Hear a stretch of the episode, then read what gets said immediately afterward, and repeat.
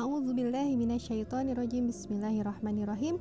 Assalamualaikum warahmatullahi wabarakatuh. Jumpa dengar kembali bersama saya Noni Irayanti dalam Narasi Pos Podcast. Narasi Pos, cerdas dalam literasi media, bijak menangkap peristiwa kunci. Islam punya konsep rezeki yang jelas, pun punya banyak konsep kodo dan kodar yang menenangkan Rezeki nggak melulu harta atau materi, melainkan berupa segala pemberian dari Sang Maha Pencipta seperti kesehatan dan teman yang soleh. So, nggak ada tuh istilahnya yang penting cuan.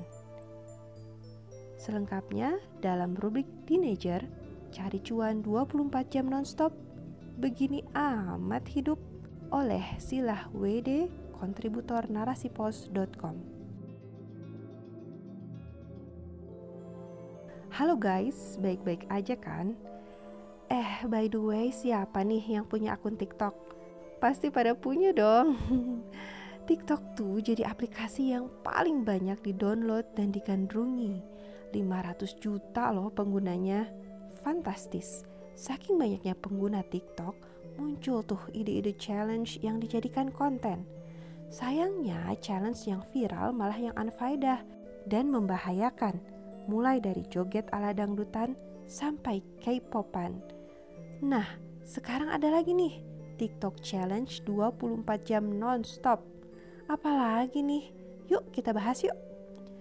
Jadi challenge ini lagi tren bahkan jadi salah satu jalan cari cuan. Udah lihat kan TikTok viral Caesar?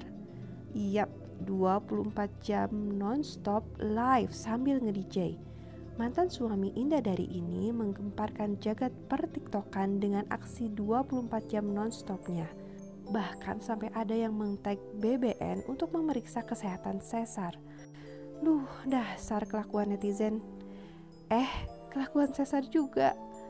Tahu nggak sih kalian, sebenarnya challenge ini mengharuskan tiktokers live dalam 24 jam dengan imbalan bentuk gift diamond yang diberikan penonton serangkaian permintaan penonton harus dipenuhi, barulah gift diberikan.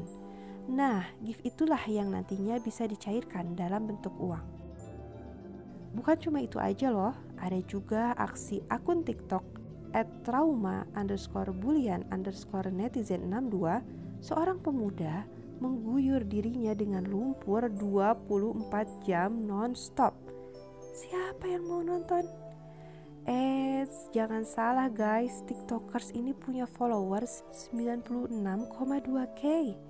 Bahkan bukan akun TikTok ini saja, TikTokers lain pun latah mandi lumpur sebagai hiburan. Tapi kok begini amat ya? Rela membahayakan jiwa, menghinakan diri sampai meninggalkan sholat hanya demi cuan. Secuil nikmat yang Allah berikan. Di zaman sekarang gak heran sih karena kapitalis sekuler mencengkram dunia ini. Jadi hal itu biasa saja di mata masyarakat. Agama pun cukup ritual saja. Dia harus dipisahkan dari kehidupan. Semisal kerja tapi nggak lihat halal haram. Intinya yang penting cuan. Seperti tren TikTok ini, nggak lepas dari cara pandang dunia yang dijadikan gaya hidup remaja Soalnya mereka nggak punya konsep berpikir yang jelas tentang kehidupan. Akhirnya cuma latah sama segala hal yang lagi tren di dunia. Mereka nggak lihat konten itu berfaedah, unfaedah, atau maksiat. Belum lagi flexing yang dilakukan artis dibiarkan bertebaran di media sosial. Dijadikan ajang pamer kekayaan sampai-sampai menjadi kiblat kesuksesan di mata remaja. Jadi doktrin gitu kalau ingin sukses ya harus punya ini dan itu, bisa begini dan begitu. Akhirnya mereka melakukan segala cara yang serba instan untuk mendapatkannya. Contohnya jadi konten kreator dengan konten berbahaya bin mengancam jiwa ini. Nauzubillah.